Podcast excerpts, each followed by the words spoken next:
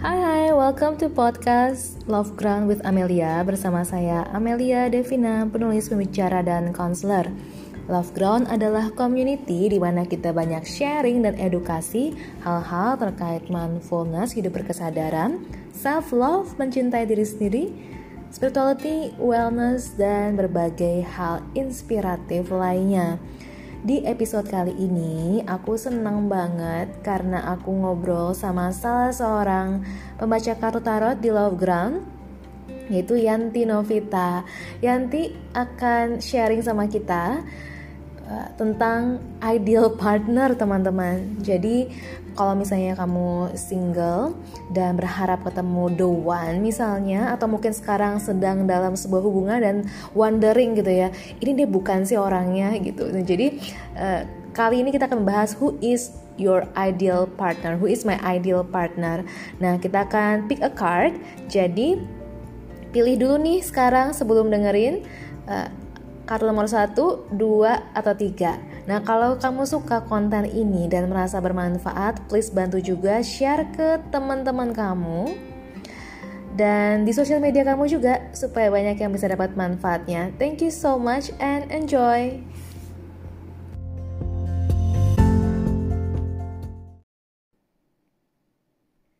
Hai hai, welcome to Instagram Live uh, di Love Ground ketemu lagi kita malam hari ini.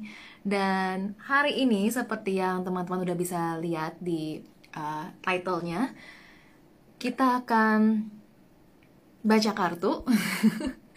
Dan kali ini judulnya adalah topik kita malam ini adalah who, who is my ideal partner? gitu kan ya. Who is my ideal partner? Dan kita masih akan nunggu dulu teman-teman supaya banyak yang gabung dan teman-teman ini topik yang seru banget dan aku udah sangat-sangat excited untuk mengundang salah satu dari tarot leadernya Love Ground. Jadi kenapa sih di bulan ini kita banyak buka kartu, kita banyak ngomong soal cinta, soalnya ini kan bulan Februari ya. Dan Februari itu biasanya identik dengan bulannya kasih sayang, Valentine's mentar lagi gitu kan. Nah jadi kita akan sama-sama explore nih dunia percintaan. Dan se kalau sebelumnya mungkin teman-teman udah lihat juga di konten ada yang mengenai love life 2021 ada yang kenapa kita masih single. Malam ini kita akan bahas kayak gimana sih sebenarnya ideal partner kita. Kayak gimana sih sebenarnya orang yang jadi pas yang yang yang baiknya jadi pasangan idaman kita. Nah, aku udah udah excited banget pengen membahas ini sama malam ini kita akan mengundang. Nah, jadi silakan semuanya untuk stay tune sampai akhir karena kita akan uh, jawab itu biar teman-teman sudah pilih kartunya di paling akhir ya, di bagian akhir dari Instagram Live ini. Hai Yanti. Halo. Hai. Kamu hari ini cantik sekali. Untuk pertama kalinya aku pakai ring light. Oh gitu, pantesan kayak beda banget loh, kayak beneran ngefek banget. Kayak kayak cepat langsung sekali. Oh, gitu ya. oh, mumpung ngomongin ideal partner ya, jadi kita harus agak glowing sedikit gitu. Oh gitu, oke okay, oke. Okay. Aku malah nggak pakai apa-apa ini, cuma lipstick dan tadi ya udah sedikit ada alis sedikit, tapi yang lainnya polos banget hari ini. Oke, okay, tapi nggak apa-apa. nah jadi um, from inside Amel.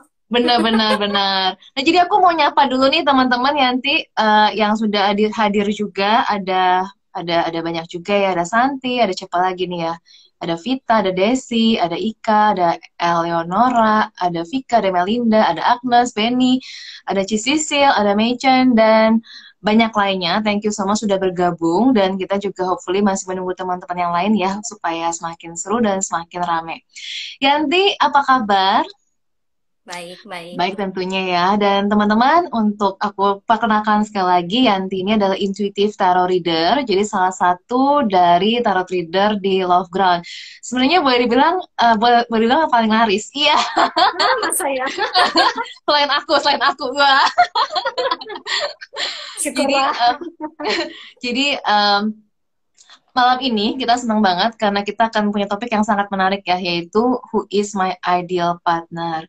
Dan seperti yang aku udah tulis nih di uh, broadcast juga, dan Yanti juga kalau kemarin teman-teman baca di uh, feed ya, Yanti nulis konten mengenai uh, kita tuh sering kali pengen cowok gitu ya, Pak. Kalau teman-teman yang cowok mungkin mikirnya cewek gitu kan, dilihat dari fisiknya. Tapi padahal ada banyak banget aspek selain fisik gitu ya, Yanti ya. Iya. Iya banget. Yang kalau misalnya memang kita pikirin fisik ya jelas karena itu yang kelihatan mata kan. Dan uh, siapa sih yang enggak uh, apa namanya matanya bling-bling berbinar ketika begitu begitu ngelihat orang yang uh, ya glowingnya benar-benar from outside gitu misalkan. Mm -hmm. Atau sebenarnya glowing from inside pun kadang-kadang kelihatan kan. Mm -hmm. Jadi ya of course siapa sih yang nggak nggak nggak suka kalau fisiknya cakep gitu kenapa kita Bling nonton gitu ya? drama Korea atau atau drama-drama lainnya atau film ya ya salah satunya itu gitu. hmm, hmm, hmm. jadi selain fisik sebenarnya uh, aku ngomongnya ideal mungkin ya atau mungkin uh, ya ideally lah ya secara ideal tuh sebenarnya selain fisik apa aja sih yang kita masih perhatiin sebelum kita memutuskan nih gitu orang ini dia orangnya nih orangnya dia nih yang aku mau gitu sebenarnya fisik itu sendiri juga aku bahasnya fisik bukan bukan hmm. kayak rambutnya warna apa uh, warga negara asing atau bukan yang segala gitu-gitu tuh uh, kita nggak pernah uh, aku pribadi nggak pernah bukain benar-benar tahu apa enggak karena aku bukan ramal gitu kan mm-hmm. uh, selain itu sebenarnya fisik itu lebih ke arah kepribadiannya yang kelihatan mm. yang langsung kayaknya begitu kita kenalan tuh kerasa gitu karena uh, kepribadian itu kan juga apa ya salah satu uh, appeal yang kita juga perlu nyambung apa enggaknya gitu-gitu kan. Nah, selain fisik itu tadi, kita sebenarnya perlu perhatiin juga tiga aspek lainnya. Yang pertama, uh, yang pertama tadi fisik, uh, empat berarti ya. Yang pertama tadi fisik, kemudian yang kedua adalah uh, mental. Karena mental ini tuh gimana ya? Um, kita mikirin mental itu uh, cuman sekedar uh, mental pejuang atau enggak atau misalkan hmm. dia ini orangnya maksudnya kita kalau misalnya mau jadian gitu kita mau berjuang buat orang ini orang itu kira-kira bakalan berjuang buat kita nggak ya itu kan pasti kita kepingin kepingin tahu banget ya uh, yes. dan yes. selain itu juga uh, istilahnya perilaku dia tuh kayak gimana nih gitu hmm.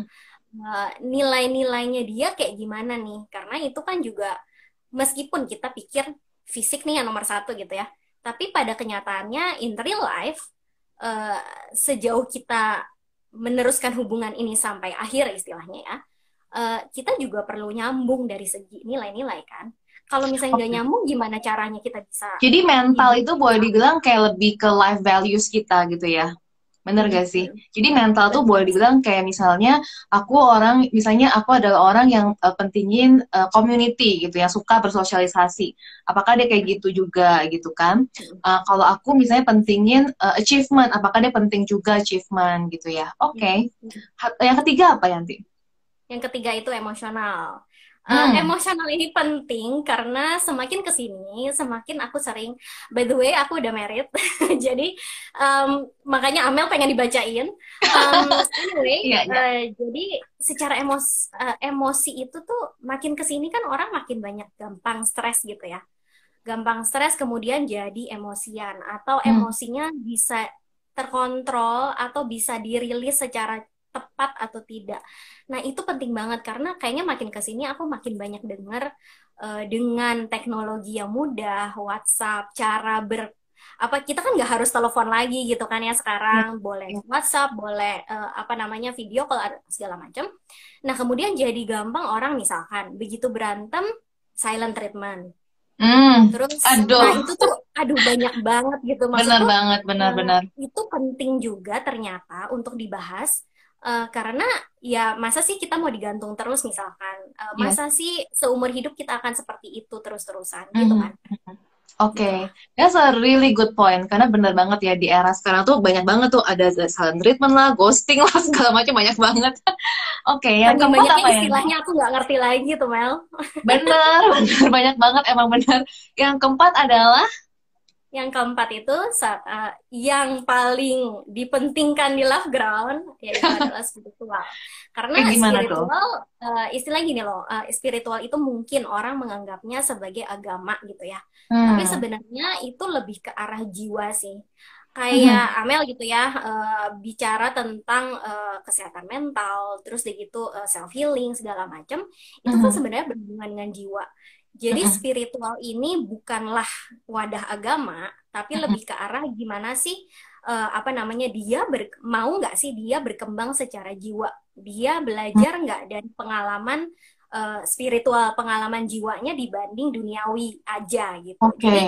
Oke. Okay. Uh, Ya, of course kita di love ground begini kan kita juga perlu dong pentingin aspek spiritual karena ya kita aja udah belajar spiritual gitu istilahnya ya. Masa sih yeah, iya. pasangan yeah. kita nggak uh, apa namanya? Masa sih kita mau pasangan kita nggak seperti itu berkembang benar, yang lebih benar, secara benar. Jiwa. Sama sekali nggak aware gitu ya. Itu kan jom, jomplang atau jadi bingung juga komunikasinya ya. Nah, aku mau nanya nih, di antara empat ini apakah ada yang terpenting menurut Yanti? Kalau terpenting menurutku enggak ya karena manusia itu kan whole aspek gitu. Jadi eh, hmm. kalau misalnya cuman kita lihat dari satu sisi, misalkan uh, fisik gitu tadi ya, fisik kita ngelihat uh dari jauh ganteng, terus atau uh, apa namanya cowok ngelihat cewek cakep, seksi segala macem. Tapi begitu ngobrol misalkan, begitu ngobrol eh nggak nyambung ya uh, apa namanya cara berpikirnya dia berbeda hmm. atau yang paling menarik misalkan orang misalnya mau merit mau menikah uh, udah punya ekspektasi atau tuntutan terhadap peran pasangannya. Contohnya Aduh, kalau kita perempuan, kalau kita perempuan, kita perempuan pengennya pasangan yang uh, apa namanya uh, udah udah mapan atau kerjanya itu kerja keras dan bisa menghidupi istilahnya itu kan. Tapi ternyata uh, mungkin dari pihak pasangannya mungkin pengennya kitanya juga kerja hmm. supaya maksudnya ada equality atau apa pun itulah karena yes, yes, ya yes. sekarang kan nilai-nilai udah berkembang banget kan jadi Benar. itu pun apa ya the whole story uh, semua kita harus benar-benar mengenali Uh, jadi nggak cuma ngenalin dia dari permukaan atau dari kulitnya aja gitu. Hmm. supaya ya kita pingin hubungan yang jangka panjang gitu kan. Oke okay, oke. Okay. jadi uh, buat teman-teman yang mungkin berpikir kenapa ya kita bahas ini? gitu. Karena mungkin gini kalian Tia aku sendiri juga mau nanya kan. Uh, sekalian kita bahas gitu ya. Seringkali gitu ya sering kali mungkin kita sekarang ini sedang bersama seseorang yang mungkin sebenarnya bukan nggak uh, kompatibel sama kita. Bener gak sih bisa. Atau mungkin kita lagi membuat keputusan untuk menikahi seseorang, uh, tapi mungkin ada ganjalan gitu. Jadi kita pengen tahu sebenarnya orang, sebenarnya kita tuh butuh orang yang seperti apa, benar nggak kira-kira gitu? Jadi sebenarnya seorang Amel, misalnya atau seorang siapa di sini uh, Jung Tuti, siapa lagi tuh tadi ya, uh, um, butuh orang yang seperti apa, bukan hanya dari ego kita, tapi jiwa kita butuhnya seperti apa. Bener nggak kira-kira yeah. gitu? Oke, okay, nah jadi kita akan explore ini semua dan kalau teman-teman sekarang lagi di persimpangan jalan, uh, sering kan, maksudnya yang kayak tadi kamu bilang udah udah bersama seseorang, tapi secara intuisi sebenarnya mungkin kayaknya belum sampai cocok banget atau sebenarnya kayaknya hatinya sih ke situ, tapi ternyata perilakunya mungkin tidak sesuai, tapi di, diterima aja karena merasa tidak ada pilihan. Padahal yes, sebenarnya yes. ada pilihan gitu. Atau mungkin atau mungkin juga kita uh, karena gini misalnya apa ya uh, ego kita uh, maunya begini. Padahal sebenarnya soulnya udah cukup oke okay dengan begini dengan yang lainnya misalnya. Bisa juga kan kayak gitu ya. Jadi buat teman-teman yang sekarang ini entah single kah, entah uh, punya pasangan kah, mungkin pacaran kali ya kalau udah nikah kan masa diganti? Masa diganti gitu? Tapi sekarang yang menikah pun kadang-kadang ada yang ngerasa kurang bukan apa ya maksudnya mungkin perkembangannya yang perlu di apa ya di di dikomunikasikan lagi gitu. Komunikasinya hmm. sering kali kurang lancar gitu mungkin ya. Benar benar benar. Nah jadi termasuk juga buat teman-teman yang komunikasinya kurang lancar dan mungkin jadinya tahu apa yang perlu di uh, kompromikan mungkin ya sama pasangan. Misalnya kita butuhnya pasangan yang providing, tapi ternyata pasangan kita kurang providing nih. Gimana komprominya gitu kan supaya tetap bisa langgeng misalnya, tapi nggak berarti kebutuhan kita didiskon gitu kan. Yang kayak kamu tulis waktu itu di feed deh kayaknya yang me, bagaimana caranya mengkomunikasikan ekspektasi ya kan? Aduh, aduh, aduh Tuhan, ini semua ya nggak gampang semuanya memang ya. Dan teman-teman, ini aku thank you banget teman-teman udah ada yang nanya dan sebagainya. Cuma kita akan tanya jawabnya di belakang aja kali ya, karena ini bakalan seru banget. Teman-teman kan udah ada yang milih kartu nih, satu dua tiga ya di story. Nah kita akan bahas nanti. Sekarang aku pengen jadi uh, pasien dulu, pengen jadi klien dulu sekarang. Jadi kalau pengen tahu gimana sih reading sama Yanti itu, dan kalau teman-teman punya case yang sama dan pengen explore gitu ya, teman-teman bisa lihat nih, kayak gini nih aku, gitu kan. Oke, okay, mari kita mainkan. siap ya, siap menjadi klien. siap menjadi klien. Betul, uh, betul. Tadi uh, karena kan kita waktunya juga uh, apa namanya tidak terlalu banyak ya. Jadi tadi yes. sih aku udah, bukain buat Amel uh, oh my kartu.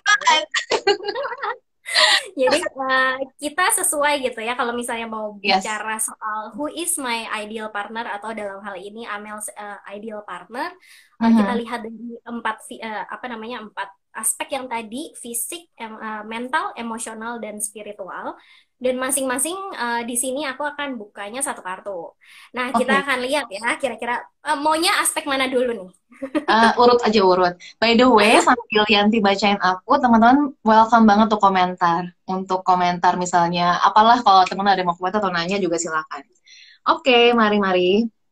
Oke, okay, aku uh, tadi udah buka. Jadi yang soal fisik. Nah, ini mungkin akan kebalik ya, tapi aku bacain ini adalah Four of Swords. Oke. Okay. Jadi kalau ngeliat di sini Four of Swords sebenarnya sih um, punya banyak angan-angan, punya banyak impian. Uh, ini sorry, uh -huh. ini pasti gara-gara ring lightnya nih. Ya. Jadi, oh iya um, benar kelihatan ada bayangan ring light. Iya kan? jadi ketahuan deh. uh, jadi ini karena pedang tentang uh, apa namanya ide-ide komunikasi, terus juga pikiran. Jadi sebenarnya mungkin uh, kalau secara uh, kepribadian pemikir dan sebenarnya punya apa ya idealisme dan angan-angan yang mungkin kalau bagi orang uh, yang tidak sepaham atau hmm. tidak hmm uh, apa ya yang nggak sevisi misalkan sevisi misi ngerasanya ini orang kok uh, angannya ketinggian sih gitu okay. karena mungkin uh, uh, apa namanya aku tidak tahu ya barangkali orangnya itu visioner gitu jadi sesuatu yang uh, secara pribadinya dia itu mungkin apa ya nggak seperti kebanyakan orang lah sekarang gitu oke okay. jadi apa yang dia pikirkan apa yang dia impi-impikan tuh maybe it's out of this world atau mungkin kayak belum belum apa ya belum zamannya banget gitu tapi at least sudah menuju ke sana. Nah jadi salah satu uh, apa namanya salah satu um, ciri-cirinya juga pemikir dan mungkin karena pikirannya itu dia jadi kecapean sebenarnya either workaholic atau uh, jadinya kayak apa ya orang tuh mikir terus kan gimana sih pikirannya jalan terus gitu. Jadi mungkin kamu bisa membantu dia untuk mengingatkan eh, istirahat gitu kan meditasi gitu mungkin kayak okay. gitu lah Oke, okay. ini um, aku benar banget sih bacaannya benar banget karena aku suka banget cowok yang visioner. aku suka banget orang eh, kayak cowok tuh yang punya passion gitu kan, yang punya mission dalam hidupnya. Jadi kayak kayak nggak hidup tuh cuma hidup doang gitu loh, tapi punya visi gitu kan. Nah, uh, jadi jadi lucu sendiri Aduh ya ampun Tuhan, aku jadi kayak pengen ngomong lebih panjang, cuman ini kan publik ya, ya udahlah ya. Gak apa-apa, Amel tulis aja sendiri. eh atau siapa tahu di di di publik ini siapa tahu akan ada yang merespon. oh iya, benar-benar siapa tahu ya, siapa tahu. Nah aku sebenarnya um, apa namanya uh, yang aku pengen respon tadi adalah gini. Gimana kalau seseorang ini mungkin visioner tapi mungkin um, dayanya nggak sampai. Kadang-kadang bisa juga kayak gitu. Itu yang mungkin aku lagi lagi okay. hadapi. Itu akan ada jawabannya di kartu-kartu berikutnya. Benar benar kan? Nah jadi mari kita simak yang berikutnya. Yang kedua okay. berarti apa ya? Mental ya Yanti ya? Mental. Nah, mentalnya adalah yang tadi angka empat kan? Four of sword Nah, mm. yang kedua ini adalah Four of Pentacles. Jadi empat mm. lagi nih. Mm. Jadi sebenarnya kalau aku lihat orangnya sih cukup stabil ya kelihatannya. Uh, mental ini jadi kalau aku lihat dia cukup uh, paham uh, apa namanya uh, punya pendirian yang teguh gitu uh, nilai-nilainya tuh dia tahu apa yang dia mau apa yang dia uh, cari dalam hidup segala macam tuh dia mm. ada gitu uh, mm -hmm. orangnya uh, benar mungkin mungkin kalau misalkan uh, orang yang pendiriannya teguh seperti itu kesannya bagi orang lain yang tidak mengenal atau yang apa namanya yang yang mungkin ya kenalnya cuma kulit luar lah uh, orangnya mungkin keras kepala gitu. Bisa hmm. jadi keras kepala atau uh, apa namanya kayak egois gitu. Kesannya seperti itu. Sebenarnya ya karena dia itu kenal dengan dirinya sendiri gitu ya jadi kan kadang-kadang orang pikir uh, orang tuh harus lebih fleksibel, harus ya memang sih mungkin ya. Hmm. Tapi sebenarnya untuk nilai-nilai nggak bisa fleksibel-fleksibel amat kan. Dia hmm. harus kenal uh, siapa dirinya, identitas dirinya kayak apa. Jadi menurutku sebenarnya kartu ini in a way uh, dia ya orangnya teguh gitu dengan dirinya sendiri. Jadi nggak gampang uh, terpengaruh, nggak gampang terombang-ambing gitu dengan yang luar gitu. Cuman mungkin jadinya keras kepala hmm. atau uh, ya kesannya jadi kayak egois gitu. Tapi Betul. mungkin bersama Amel dia akan jadi luluh gitu. jadi jadi maksudnya gini nanti aku perlu clarify. Berarti aku ideally butuh orang seperti ini. Sebenarnya sih kalau aku lihat di sini uh, biasanya kartu ini kan uh-huh. kalau misalnya kita secara sadar kita tahu gitu ya kita sukanya uh, apa namanya uh, attract-nya terpesonanya sama orang seperti apa uh-huh. cuman kadang-kadang mungkin um, buat kita yang sering kali uh, apa namanya nonton film atau misalkan baca buku novel uh, romansa yang yeah, yang yeah, yeah. drama Korea yang semuanya kayaknya uh udah ganteng terus cakep terus udah gitu kayaknya uh, apa namanya baik banget gitu segala macam kayak gitu tapi ternyata uh, tidak semua real realita bukan realita soalnya sebenarnya kan itu hanya kayak gambaran ideal yang kita nonton, yang kita hmm. lihat secara visual. Tapi apakah di dalam hidup ini kita benar-benar kayak gitu? Contoh ya, contoh eh, namanya perempuan ada ada perempuan yang eh, istilahnya apa ya? Bukan lemah sih, tapi lebih ke arah keibuan mungkin, lebih ke arah eh, apa namanya dia mungkin misalnya ya, misalnya peran di di society gitu.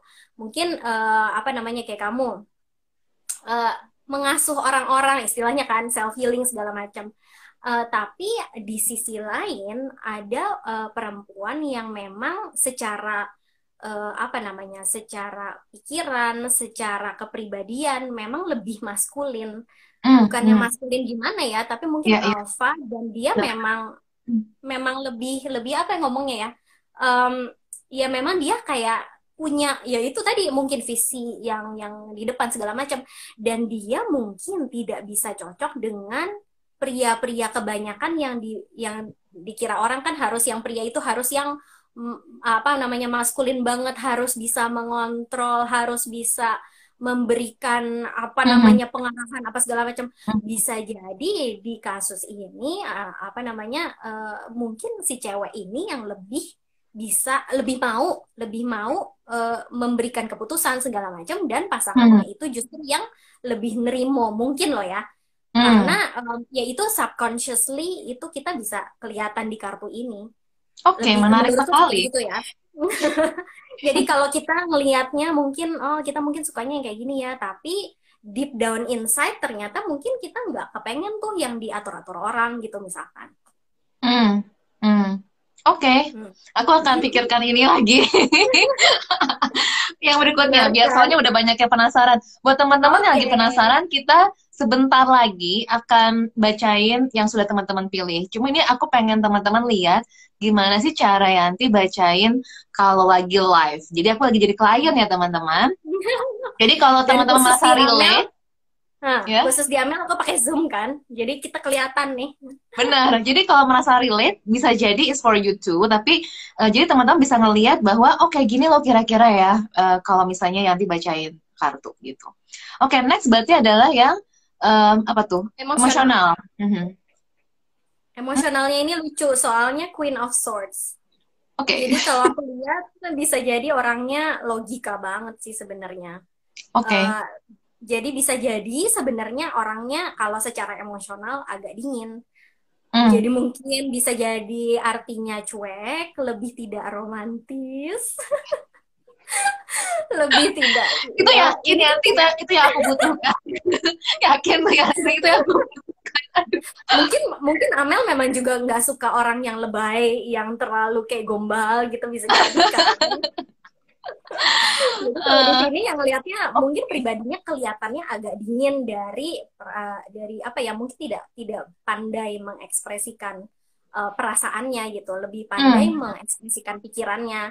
Jadi mungkin kalau misalnya ada yang ketemu uh, orang yang tidak suka gombal, cuman kayak ya aku sayang kamu udah gitu doang, ya terima mm -mm. aja gitu. well, aku aku udah pernah sama yang suka gombal, tapi ya ya mereka biasanya gombal beneran. Jadi emang butuh action sih ya, nggak cuman iya, kata-kata manis. Logika lah, logika. Iya, benar-benar. Oke, okay, oke, okay. mungkin bisa mengimbangi ya. Aku tuh orangnya perasa banget soalnya. Oke. Oke, lanjut. Oke. Ini komentarnya lucu banget sih. Ya ampun. Jadi kita mengira-ngira ya Amel bakalan ketemu kayak gimana. Aduh lucu banget sih Tuhan ya ampun. Spiritual. Oke. Okay. Oke, okay, sekarang spiritual. Spiritual adalah Seven of Wands. Jadi kalau aku lihat di sini justru orangnya itu kayak tadi kamu bilang kan, mungkin uh, visioner, tapi apakah orangnya uh, mau berjuang gitu.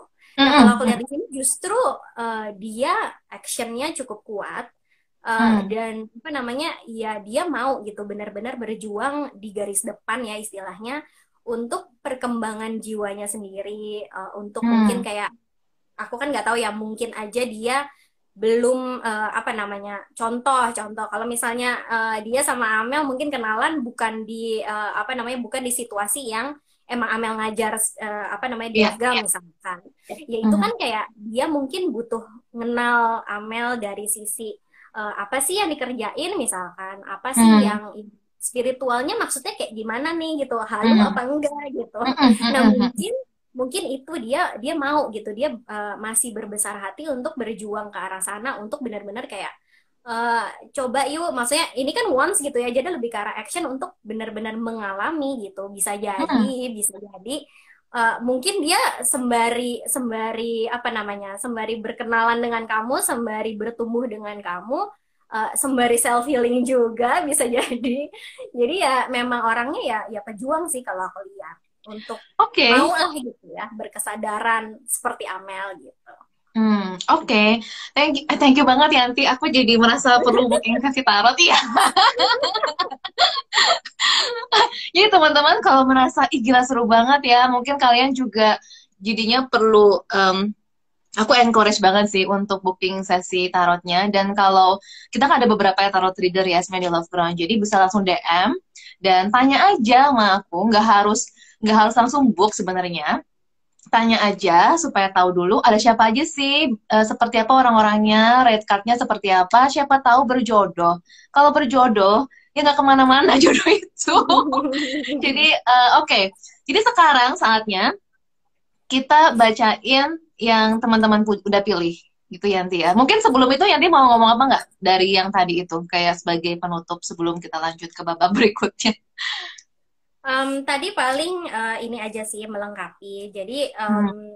orang kan selalu pikir kita butuh uh, ideal partnernya kayak apa, punya impiannya kayak apa. Of course kita nggak mau dong orang yang uh, buruk gitu kan buat kita. Yes, yes. Cuman uh, orang tuh sering kali lupa kalau kita udah punya ekspektasi, punya ciri-ciri, punya kriteria pasangan ideal tuh kayak gimana, kita kadang-kadang lupa melihat diri kita sendiri. Jadi hmm, hmm. sebenarnya di tarot reading ini tidak hanya kita melihat oh, iya, betul. yang cocok itu kayak benar, apa, benar. tapi hmm. kita juga melihat uh, perkembangan diri kita udah sejauh mana sih supaya begitu kita ketemu orangnya, orangnya juga milik kita gitu kan, benar. bukan ditinggalin gitu aja ya kan?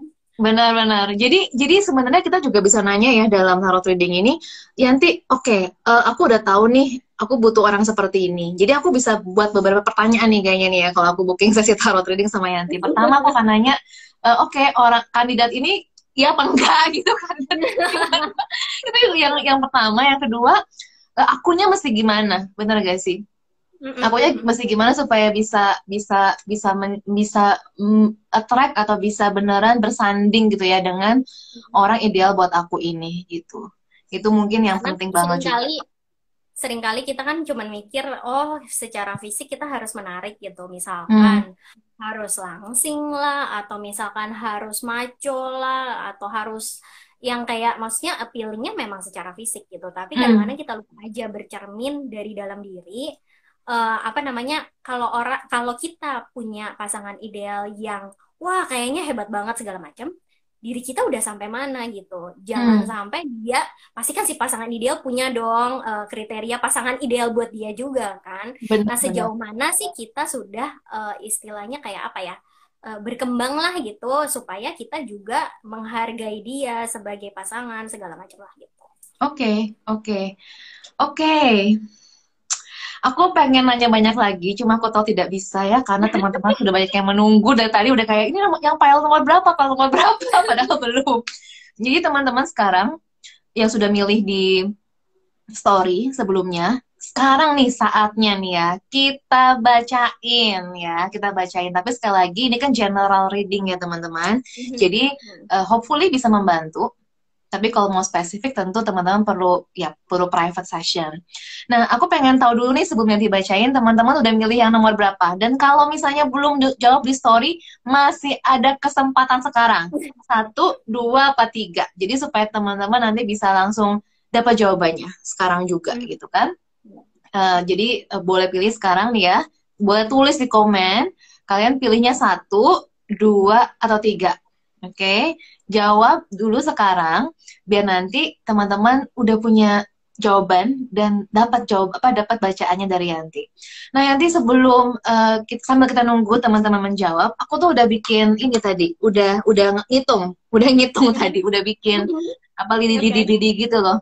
Dan mm -hmm. tau gak sih di antara tiga tiga kartu itu, mm -hmm. oh ada yang ganti pilihan.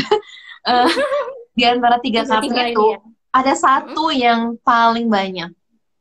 Mm-hmm. yaitu Apa nomor dua. File eh, uh, kartu nomor dua. Uh, urutan kedua adalah yang kartu nomor tiga selisihnya nggak terlalu banyak tapi yang paling sedikit adalah nomor satu sebenarnya. Hmm. jadi aku juga penasaran ya? sebenarnya apa sih satu dua tiga itu. Nah teman-teman sudah sudah pada menjawab thank you banget sudah uh, ikutan interaksi. Dan sekarang ya saatnya yang paling mendebarkan siapa sih pasangan ideal kalian udah bersanding sama dia belum ya atau mungkin uh, masih jauh orangnya gitu jadi kita sama-sama beberkan sekarang oke nanti silakan silakan jadi kita mulai dari nomor satu dua tiga atau mau diacak? boleh, diacak juga boleh. Kita acak aja kalau gitu, biar seru kan? Yang paling sedikit eh, dulu apa yang paling yang paling dulu sedikit nih? dulu, paling sedikit dulu dong. Biar yang nomor dua bertahan sampai akhir. Berarti nomor satu dulu ya. Satu dulu, oke. Okay. Nomor satu adalah. Siap-siap ya nomor satu. The Hangman. Wow. The Hangman ini, tapi kita kan bicara dari aspek uh, emosional ya. Jadi uh, oh, jangan iya. bingung. Oh, aku lupa ngomong bahwa ini kita akan geledah aspek emosionalnya only karena nggak keburu guys untuk buka semuanya. tapi kalau kalian mau kayak tadi aku tuh empat empatnya kalian perlu booking ya sekarang juga nih DM atau habis ini lah ya uh, taruh trading sama Yanti. Oke lanjut lanjut. Uh-huh. Oke jadi nomor satu ini hangman. Hangman ini uh, kalau buat orang yang udah biasa dibacain tarot mungkin agak deg-degan gitu ya hmm. uh, karena kesannya kayaknya stagnan segala macam. Tapi uh, dari sisi emosional kalau aku lihat di sini sebenarnya mungkin orangnya agak introvert dalam arti introvert itu tuh karena sebenar, sebenarnya karena dia lebih mengobservasi orang, hmm. lebih melihat dulu uh, keluar itu kayak gimana. Karena sebenarnya dia itu bukan yang nggak bisa mengekspresikan perasaannya sih, cuman uh, mungkin bagi dia sendiri perasaannya itu ya buat dia sendiri, tidak begitu uh, apa ya tidak begitu buat uh, konsumsi publik lah istilahnya gitu. Nah, justru dari sifat yang uh, apa namanya mengobservasi orang ini, justru dia belajar banyak tentang perasaannya sendiri.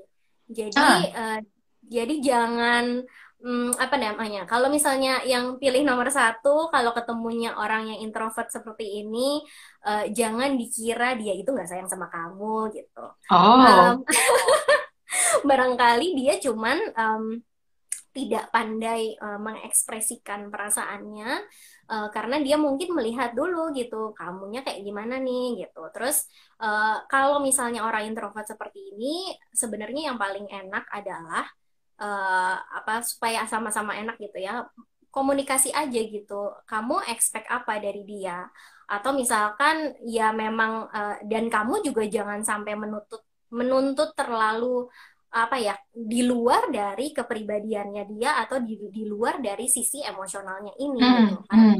Ya kalau emang orangnya kayak gitu, mau disuruh romantis kayak gimana pun, ya susah ya bukan dirinya dia gitu. Jadi, nah itulah hmm. yang nomor yang pilih nomor satu. Coba dicek lagi, apakah memang uh, apa namanya ya itu yang mungkin kamu butuhkan. Kayak tadi Amel bilang gitu ya mungkin kan uh, dari sisi kamu mungkin lebih perasa, lebih banyak uh, apa namanya ya emos uh, emosionalnya tuh lebih uh, perasaannya lebih tercurah segala macam. Nah mungkin hmm. si pasangannya itu tipenya justru yang lebih uh, apa ya, nggak justru kayak nambahin bensin uh, ke api gitu. Hmm. Jadi hmm. supaya nggak terlalu gimana sih jadi chaos segala macam kan. Yeah, ya yeah. mungkin dia justru lebih mengobservasi kamu jadi hmm. bisa. memberitahu atau misalkan lebih apa ya membalancekan gitu barangkali ya.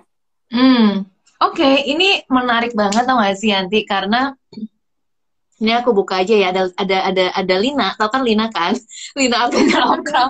Jadi tadi sebelum sebelum sebelum live dia tuh cerita tentang okay. seseorang yang introvert tau gak sih dan dan tadi aku lihat dia tulis nomor satu aku kayak oh my god ini kayak ngomongin dia jadi dia nanya sama aku aduh Ci ini orangnya introvert gitu. Terus aku ya oh my god gitu kan. Ini pas ya pas banget nanti bilang introvert. Lina kalau kamu ada di sini masih mungkin kamu bisa komentar kalau kamu tidak malu. Jadi penasaran okay. ya sama ceritanya ya. Kenapa kenapa? Jadi penasaran sama ceritanya Iya dan dan maksudnya bisa pas banget karena dia beneran mentioning the word introvert tau gak sih Yanti? Dan tadi aku ngeliat dia pilih nomor satu gitu. Jadi menarik banget sih. Uh, oke. Okay. oke. Okay. ini dipilih dipilih yang paling sedikit ya. Iya bener juga. Nah teman-teman buat teman-teman yang pilih nomor satu kita pengen tahu apa pendapat kalian dari bacaan ini? Apa perasaannya setelah tahu bahwa oh ini ternyata tuh Karina bilang betul banget. sih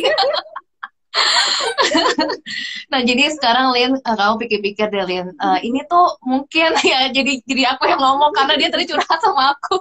Lucu banget. Mungkin kamu butuh booking uh, taruh reading session juga sama Cianti aduh Tuhan lucu banget. Anyway teman-teman aku butuh teman-teman untuk coba jawab lagi sedikit komentar uh, apa sih rasanya dap ya buat yang milih nomor satu apakah ini sesuai ekspektasi kalian kah? Apakah memang ternyata deep down ini yang kalian butuhkan? Um, karena mungkin satu dalam dan lain hal kan ya aku aja perlu merenungkan lagi tuh yang, yang tadi nanti bacain aku. Bener gak sih itu yang aku butuhkan? Kok ada yang benar ada yang aku rasa padahal egoku tuh maunya nggak kayak gitu misalnya atau mungkin wishing atau expecting something yang menurut aku tuh more gitu ya. Hmm tapi aku nggak tahu juga mungkin memang itu adalah yang aku paling uh, butuhkan sekarang ini dalam hidup aku yang yang bisa bantu aku mungkin fulfilling my mission atau um, ya atau mungkin ya untuk untuk journey aku. Nah Marcel mungkin boleh kasih tahu gimana sih uh, komentarnya bacaan nomor satu ini? Oke, okay, uh, mungkin kita sambil lanjut aja ya uh, untuk hmm. teman-teman yang sudah jawab satu silakan kalau mau komentar kita tunggu sambil kita menunggu teman-teman jawab kita akan masuk ke reading yang berikutnya Oke, kita masuk ke yang paling sedikit berarti eh, yang tiga dulu. kedua tiga ya nomor tiga. Oke. Tiga lumayan banyak, ini, lumayan paling banyak dua. Hmm. Oke, ini menarik, ini menarik banget. Oke, ini adalah Five of Wands. Oke. Jadi uh, makanya aku bilang menarik karena kemungkinan besar uh, yang milih nomor tiga ini uh, orangnya itu mungkin kayak secara emosional suka ngajak berantem gitu. Hmm. Um, suka ngajak berantem itu dalam arti uh, dia itu mungkin lebih banyak uh, lebih apa ya mulutnya ke, uh, ngomong duluan dibanding pikirannya. Hmm. Jadi kayak hmm. actionnya itu dari si emosinya ini sendiri. Nah, kenapa ini menjadi ideal partner itu yang harus dikulik lagi. Tapi at least at least kita lihat di sini kalau misalnya memang orangnya itu uh, istilahnya ya suka ngajak berantem orang lain dalam sisi emosi, mungkin kamu sebagai ideal partner itu perlu lebih istilahnya mengayomi atau mungkin dengan kamu belajar ke Amel kamu jadi lebih sabar. udah lebih apa ya udah mungkin bisa membantu perkembangan emosi si pasangan ideal ini gitu kan. Karena uh, apa namanya walaupun istilahnya emosi uh, apa namanya orangnya yang emosian bisa ngajak berantem orang lain uh, itu kan uh, orang itu kan nggak pernah permanen ya. Dia kan pasti bisa berubah uh, istilahnya bukan berubah gimana ya tapi dia bisa belajar gitu, bisa belajar untuk berkembang uh, menjadi orang yang lebih baik lagi gitu. Nah, mm -hmm. kalau dari sisi emosi ini sebenarnya kartu Five of Wands ini memang uh, istilahnya ini kan berba uh, apa namanya orang-orangnya ini mungkin kayak saling berantem gitu.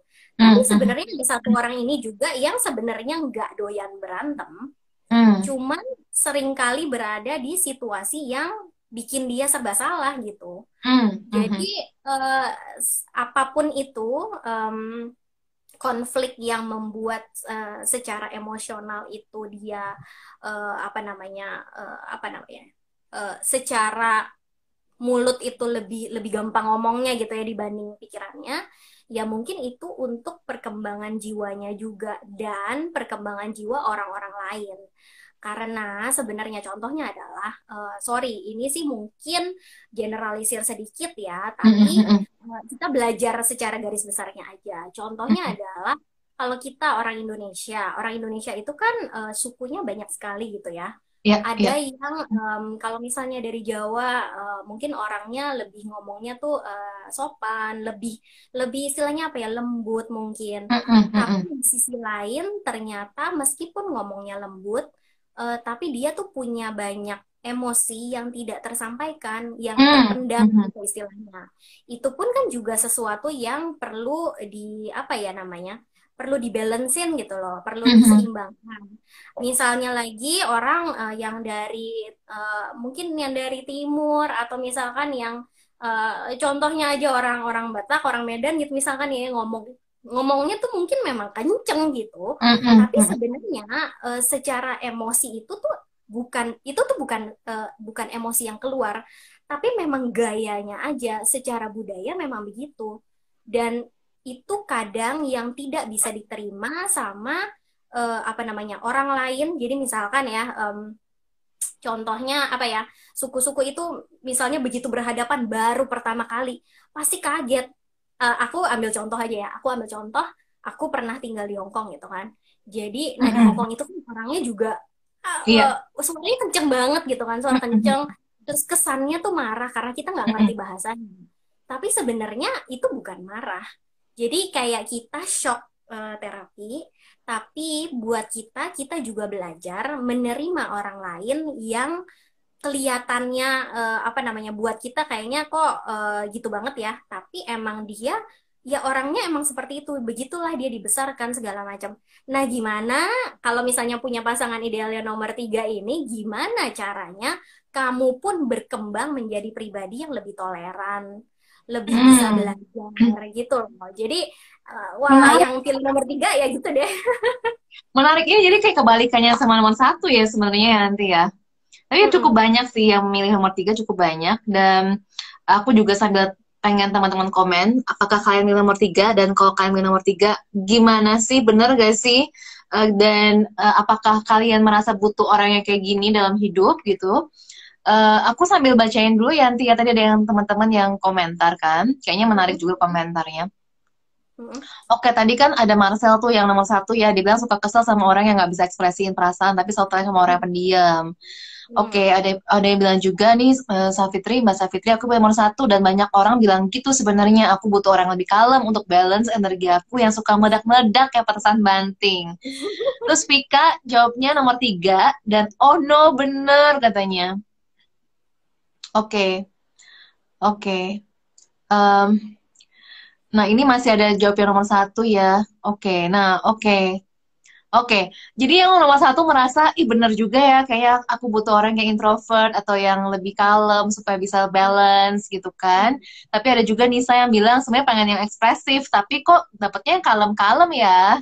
Nah itu mungkin uh, kamu perlu konsultasi pribadi supaya bisa terjawabkan penasarannya.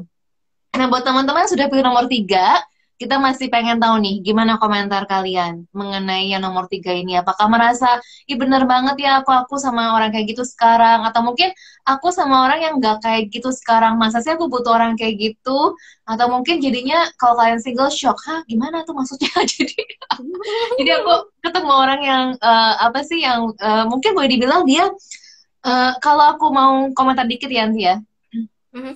Ini kan setiap manusia punya sisi gelap terang ya punya sisi gelap terang. Jadi kita tadi kamu bacain aku juga sama kan kita lihat gelap terangnya seseorang gitu. Tadi kalau dia introvert mungkin dia introvert tapi jadinya dia uh, orangnya tuh lebih observasi nggak langsung meledak. Sedangkan orang yang ini kebalikannya dia orang yang cukup emosional gitu kan. Mm-hmm. tapi kalau kalau kita lihat sisi terangnya berarti kemungkinan dia adalah orang yang lebih ekspresif bener gak sih sebenarnya? Nggak terlalu mendem gitu kali ya. Atau mungkin mendem tapi dia masih bisa ngomong kah mungkin? Atau mungkin karena dia um, orang yang emosional dia juga adalah orang yang jadinya lebih bergairah gitu dalam hidup. Kadang-kadang bisa juga kan kayak gitu Gimana? Kalau boleh ditambahin, sebenarnya kartu Five of Wands itu tuh juga kayak konflik untuk membangun sih. Jadi hmm. bukannya memang dia ingin berkonflik dengan orang, hmm. tapi memang kadang-kadang ada orang yang butuh di, di, dikasih konflik dulu, hmm. baru dia bisa berkembang gitu. Jadi ya kayak tadi contohnya uh, mungkin kalau orang uh, apa namanya kayak tadi aku misalnya ke Hongkong kok kayaknya aku ngerasanya aku ngerasanya aku lebih lembut gitu kan yeah, iya. ngerasanya yeah. tapi begitu ke sana kok jadi kayak gitu nah aku uh, di dihadapkan dengan situasi seperti itu aku mau gimana gitu loh apakah aku uh, hanya mau menjadi diriku yang kayak gitu tapi nggak berkembang atau aku jadi oh ternyata memang budayanya di sana tuh kayak gitu. hmm. gitu nggak usah baper okay. gitu kan yes aku aku ngerasa benar banget apa yang nanti bilang karena sering kali kita memandang buruk ya uh, konflik atau mungkin uh, orang yang nggak sama seperti kita tapi justru mungkin kita banyak belajar dari orang yang berbeda sama kita dan mungkin uh, apa konflik atau trigger itu ada justru supaya kita tumbuh gitu kan. Karena kalau nggak ada trigger kadang-kadang kita nggak tahu kita kurangnya di mana atau kita masih harus berubah kayak gimana gitu. Dan satu okay. hal lagi kalau misalnya pacaran itu nggak pernah berkonflik hati-hati ya Oke, okay. oke. Okay. Kenapa nanti keluarnya di nikah ya? Aduh, ya ampun. Karena maksudnya ya, ya kita kan nggak tahu ya. Cuman kadang-kadang ada orang yang bilang uh, apa namanya? Iya, aku kok lancar-lancar aja kok kayak gini-gini segala macam. Mungkin bukannya berarti tidak cocok ya, tapi mungkin ya itu namanya orang hidup pasti kan ada lah gitu uh, apa namanya perselisihan segala macam.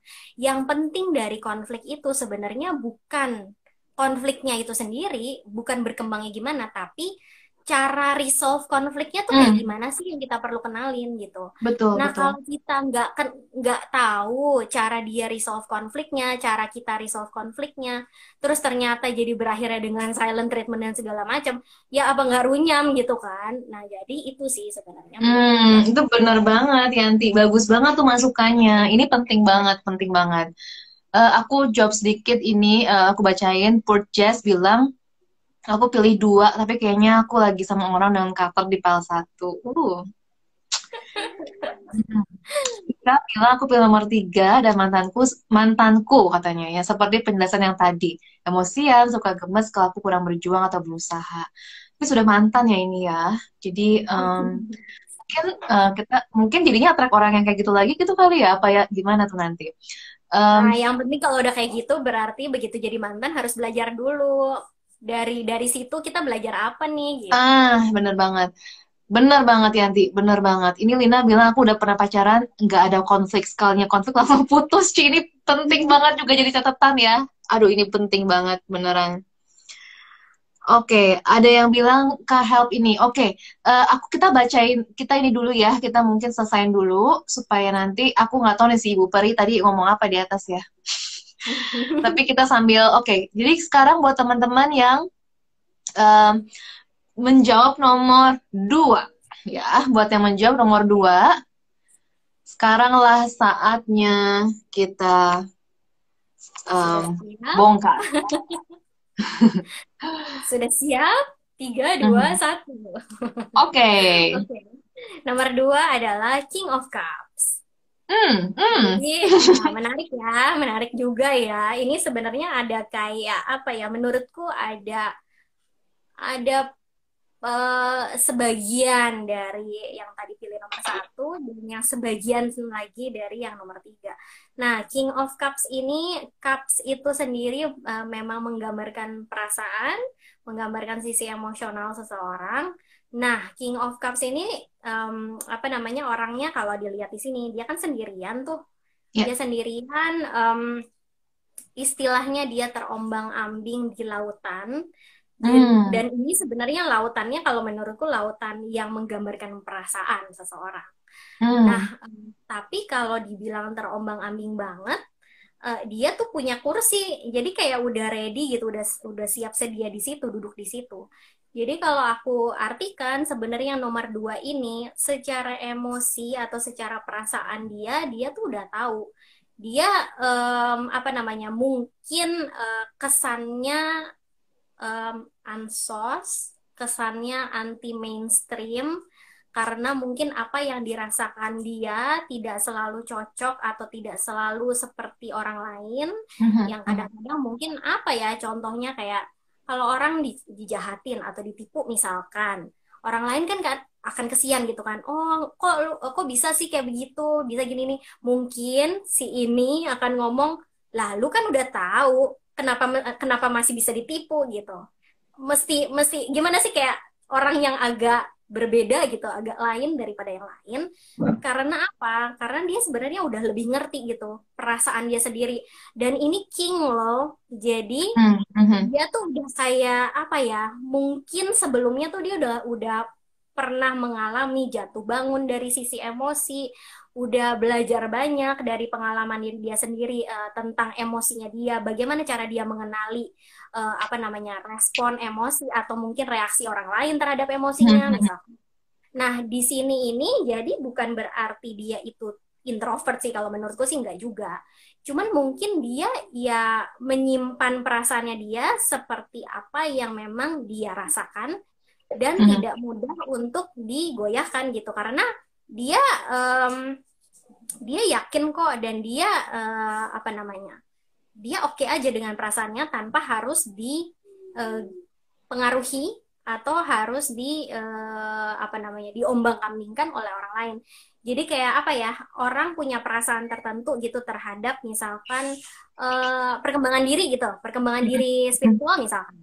Uh, orang lain mungkin akan berpikir uh, oh ini mungkin perasaan lo aja mungkin karena terbawa emosi mm-hmm. dalam arti terbawa emosi itu karena oh mungkin lu kayak lagi mengeluk-elukan idola yang ini karena uh, lagi emang lagi emosinya sana nih misalkan mm-hmm. uh, tapi ternyata uh, apa namanya bukannya karena itu karena dia emang tahu aja kriterianya dia kayak apa okay. uh, secara emosi dia sukanya yang kayak apa dan dia teguh dengan itu gitu loh. Hmm, um, Jadi, nah dia terus juga kalau aku lihat di sini dia kan udah pakai mahkota gitu, terus kayak gitu dia juga pegang uh, cups um, apa namanya yang atasnya itu juga ada perahu gitu kan.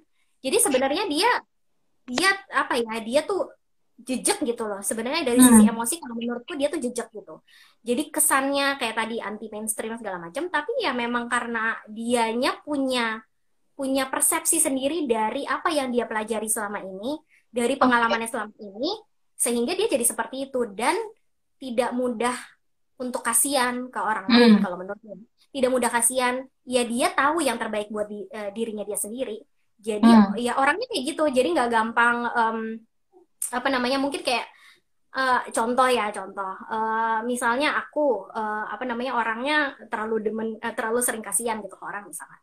Uh, tapi dengan pasangan yang misalkan ya ya kayak tadi uh, apa namanya uh, lu ngapain kasihan kalau pengemis gitu kan misalnya dilihat dari pengalamannya dia sebelumnya oh mungkin dia pernah lihat pengemis itu cuman dicoreng-coreng doang mukanya sampai bikin kesian orang padahal di belakangnya tuh kayak gimana-gimana gitu. Nah, itu sih sebenarnya yang uh, kelihatannya bisa jadi kita harus belajar banyak dari orang ini. Oke, okay. wow, wow, wow, wow. Jadi ini pilihan terbanyak teman-teman yang sudah kalian uh, pilih nih ya nomor dua. Aku pingin uh, bacain yang udah komen karena ini belum disuruh udah pada komen yang nomor dua ini. Uh, Oke, okay, aku coba lihat. Ada yang bilang, eh nomor dua kok kayak diri sendiri ya, bukan ya, ideal partner. Gimana tuh komentar hmm. kamu Yanti? Sebenarnya kalau dari aku sendiri, kalau secara emosional kita justru ngerti dengan diri kita dan perasaan kita nggak gampang kayak uh, kita nggak bisa melabel misalkan ya, bukan melabel lah. Kita tidak bisa menamai perasaan kita sendiri. Atau kalau misalnya kita ditanyain uh, apa perasaan kamu hari ini? Nah kamu nggak bisa namain. Nah itu kan hmm. uh, menjadi kamu jadi gampang uh, apa namanya terpengaruh sama apa kata orang gitu. Misalkan uh, kamu sebenarnya nggak uh, suka drama Korea misalkan gitu ya tapi ternyata karena sekeliling kamu semuanya nonton terus misalkan kamu diajakin nonton sama saudara atau misalnya sama teman, yuk nonton ya supaya kita jadi tahu ceritanya bareng-bareng bisa bahas misalkan. Padahal ya mungkin kamu sendiri mah biasa aja gitu, tapi dengan dengan begitu uh, jadi kamu tuh lebih gampang kayak oh uh, apa namanya jadi kayak lebih gampang kepengaruh dan akhirnya mungkin jadi lebih mengeluh-elukan dibanding si uh, saudara atau si temen yang ngajak nonton duluan gitu. Nah justru kalau misalnya memang dari diri sendiri, kalau menurutku begitu kamu tahu uh, dan kenal dengan diri kamu sendiri, terutama dari sisi emosi, kamu justru jadi lebih gampang kayak uh, apa namanya begitu ketemu orang yang emang sevisi atau se gimana ya ngomongnya selevel perasaannya mm-hmm. sama-sama mengenal diri sendiri wouldn't be wouldn't it be wonderful gitu kan mm-hmm. sama-sama mengenal gitu sama-sama kayak uh, gue nih orangnya kayak gini oh lu juga orangnya kayak gitu jadi kita sama-sama okay. belajar dan apa ya lebih gampang trust barangkali karena okay. lebih ngerti gitu. Okay. Jadi sebenarnya menurutku sih nggak justru nggak salah ya kalau misalnya memang ini tentang dirimu dan kemudian ya mungkin pasangan idealnya itu juga sama seperti itu karena kalian hmm. jadi masing-masing punya kalau ini kan kayak nyaman dengan dirinya sendiri kan. Iya, iya, iya.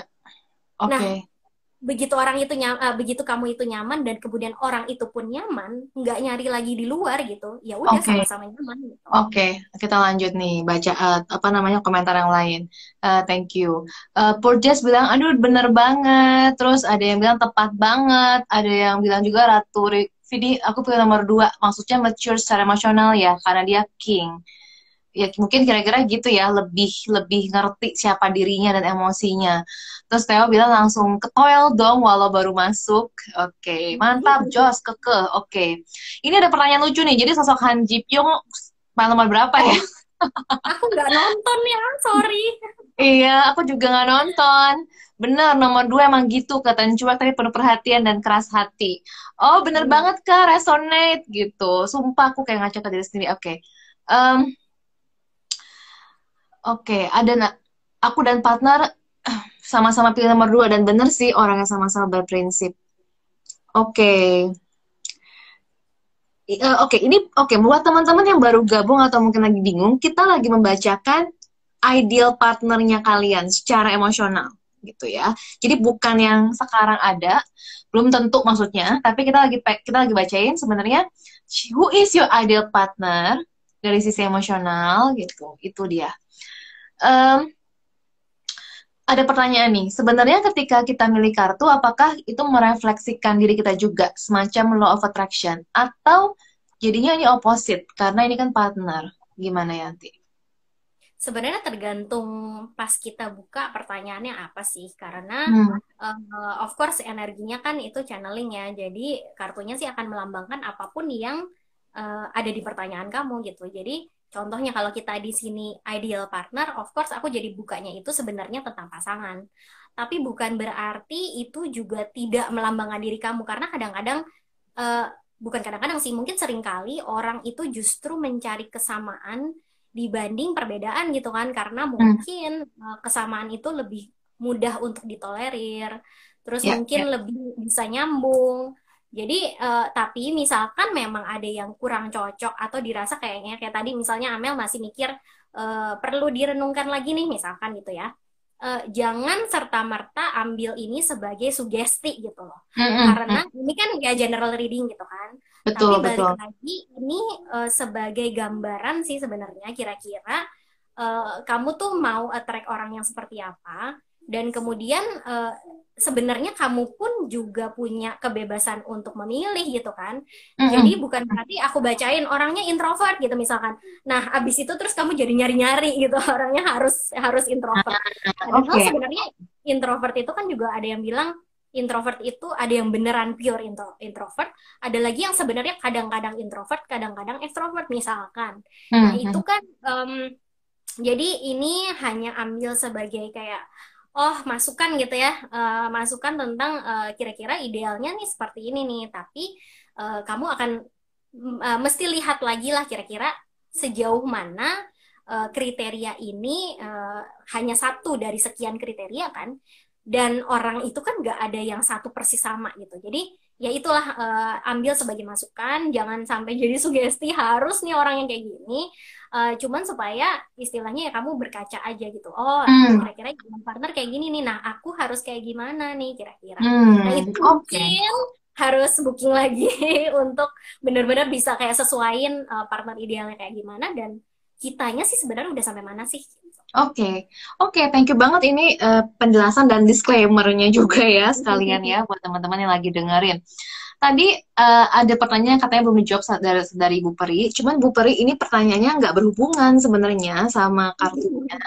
Bu Peri tadi nanyanya kalau misalnya pasangannya sibuk dan banyak beban keluarga jadi cuek gimana? Uh, kayaknya nggak masuk ke dalam bacaan kartu kita ya kebetulan ya Yanti ya.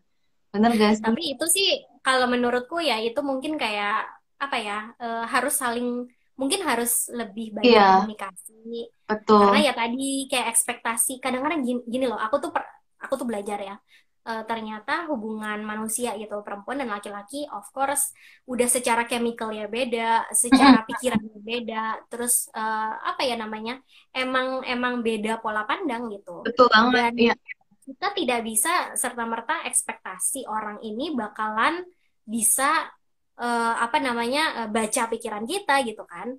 Jadi ya of course kita harus ngomong gitu. Maksudnya hmm. ngomong itu harus langsung kayak eh lu kok gini sih? misalkan. Yang nggak bisa gitu juga kan. Tapi kayak ya mungkin ada cara-cara tertentu gitu yang bisa kayak uh, oh kenapa sih kamu misalnya lagi kayak begini apa sih yang bikin kamu kayak gini aku bisa bantu apa enggak supaya hmm. meringankan pendiri uh, apa namanya istilahnya meringankan bebannya dia nah hmm. dari sisi kayak gitu tuh sebenarnya orang mungkin bisa lebih appreciate gitu hmm. jadi kadang-kadang apa ya kita lebih sering ekspektasi tanpa memikirkan bahwa sebenarnya kita mungkin juga di expect orang hmm. gitu Bener banget itu ini. Sih. Harus apa ya? Reciprocate ya, apalah. Iya, iya, iya, benar benar. Oke, jadi moga-moga menjawab pertanyaan Ibu Peri dan juga aku yakin ini berguna banget sih ya buat semua yang lagi dengar. Uh, karena kita sering kali expect orang, tapi sebenarnya kita juga di-expect untuk sesuatu kan. Kita saling ekspektasi tanpa kita sadari mungkin gitu. Jadi bertanya itu tentu bertanya dengan ya sopan gitu mungkin ya nggak yang main uh, marah gitu kan itu bisa bisa membantu meringankan uh, konflik gitu atau mungkin menghindari malah konflik yang nggak perlu Oke, okay. jadi teman-teman kita udah bongkar semua sebenarnya ini tiga-tiganya satu dua dan tiga dan teman-teman ini udah pada komentar gitu ya, wah tepat sesuai dan sebagainya. Kita juga senang banget dan sekali lagi teman-teman ini tuh uh, who is my ideal partner kita jadinya bisa berkaca gitu ya. Oke okay, uh, eh, aku tuh mungkin butuh orang seperti ini. Atau mungkin uh, bisa jadi seperti yang nanti bilang tadi pada akhirnya itu tergantung kita gitu kan. Apakah memang ini yang kita mau atau mungkin ini membuat kita belajar untuk semakin paham siapa diri kita dan apa yang kita butuhkan dalam hidup. Uh, jadinya mungkin jadi banyak teman-teman perlu merenung ya kayak aku juga. Benar, perlu booking slot untuk untuk baca lanjutannya. Jadi buat teman-teman yang merasa perlu booking slot, silakan sekarang juga di sini kita karena kita udah mau selesai bisa DM ke Love Ground ya uh, bisa langsung DM ke Love untuk tanya aja uh, seperti apa sih uh, siapa-siapa aja orang-orangnya yang membaca kartu dan kalau mau baca kartu sama Yanti bisa langsung tanya juga red cardnya dan nanti bisa dijadwalkan langsung gitu ya. Yanti menerima langsung di langsung di promo gitu. Nanti menerima konsultasi uh, via via uh, video via call dan juga via text. Jadi uh, teman-teman bisa terakomodir kebutuhannya hmm. semuanya ya. Dan semoga kita doakan um, ya kita semua lah ya bisa mempunyai love life yang uh, happy and uh, growing and flourishing gitu ya Yanti. Mungkin kamu pengen say something untuk bisa uh, conclude ini kita punya live hari ini uh, ya intinya uh, apa namanya kita harus memikirkan uh, pasangan ideal tidak hanya dari satu sisi aja atau uh, kadang-kadang kita mikir uh, oh kita cuma mikirin itu doang pilihnya dari sisi itu aja udah cukup. Tapi ternyata uh, ketika kita milih satu dan kemudian kita tidak um, me, apa ya memikirkan secara detail tentang yang aspek-aspek lainnya kadang-kadang kita jadi kayak wah dapetnya kok kayaknya nggak sesuai. Dan kemudian ketika hubungannya sudah berjalan kok orangnya jadi kayak gini ya oh kok misalnya uh, apa namanya aku nggak expect yang kayak gini kok jadinya kayak gini ya misalkan betul, betul, bisa jadi uh, apa namanya kita kurang menggali lagi sebenarnya hmm. sebelum menjalin hubungan atau sebenarnya kitanya yang harus belajar lagi hmm. gitu. Ya, ya, karena karena ada empat aspek tadi ya. Kita perlu melihat whole-nya seseorang dan juga uh, benar kayak yang bilang karena kan semua hubungan tuh dua-duanya ya. Jadi pasti ada peran dua-duanya gimana supaya kitanya juga bisa bertumbuh gitu kan ya. dari hubungan ini ataupun sebelum kita masuk ke dalam sebuah hubungan. Aku uh, thank you banget Yanti sudah Sama sharing dan um, sharing apa uh, bacaannya juga wisdomnya buat kita. Thank you banget untuk teman-teman yang sudah memilih kartu, sudah komentar, sudah nanya, sudah ikut excited dan mm-hmm. sudah interaksi sama kita. Senang banget dan teman-teman silakan sekali lagi bisa langsung DM untuk uh, tanya mengenai tarot readingnya atau bisa langsung juga uh, teman-teman uh, untuk uh, WhatsApp ke adminnya Love Ground atau mungkin ada juga sih nomornya diklik ke link in bio gitu ya.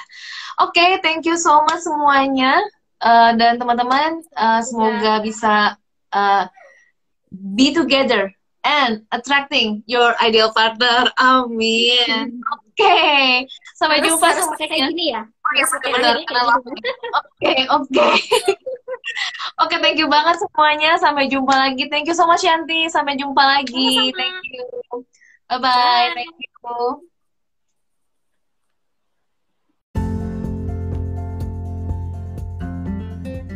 Yay, thank you. Kamu sudah dengar sampai akhir. Gimana? Ketemukah jawabannya? Kamu milih yang satu, dua, atau tiga?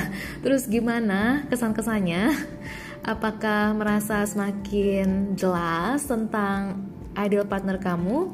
Nah, kalau kamu merasa kayaknya butuh deh nih ya personal reading, kamu bisa DM ke Instagramnya Loveground at loveground.co supaya kamu bisa kita bantu untuk terkoneksi ya dengan tarot reader yang mau kamu pilih untuk personal tarot reading.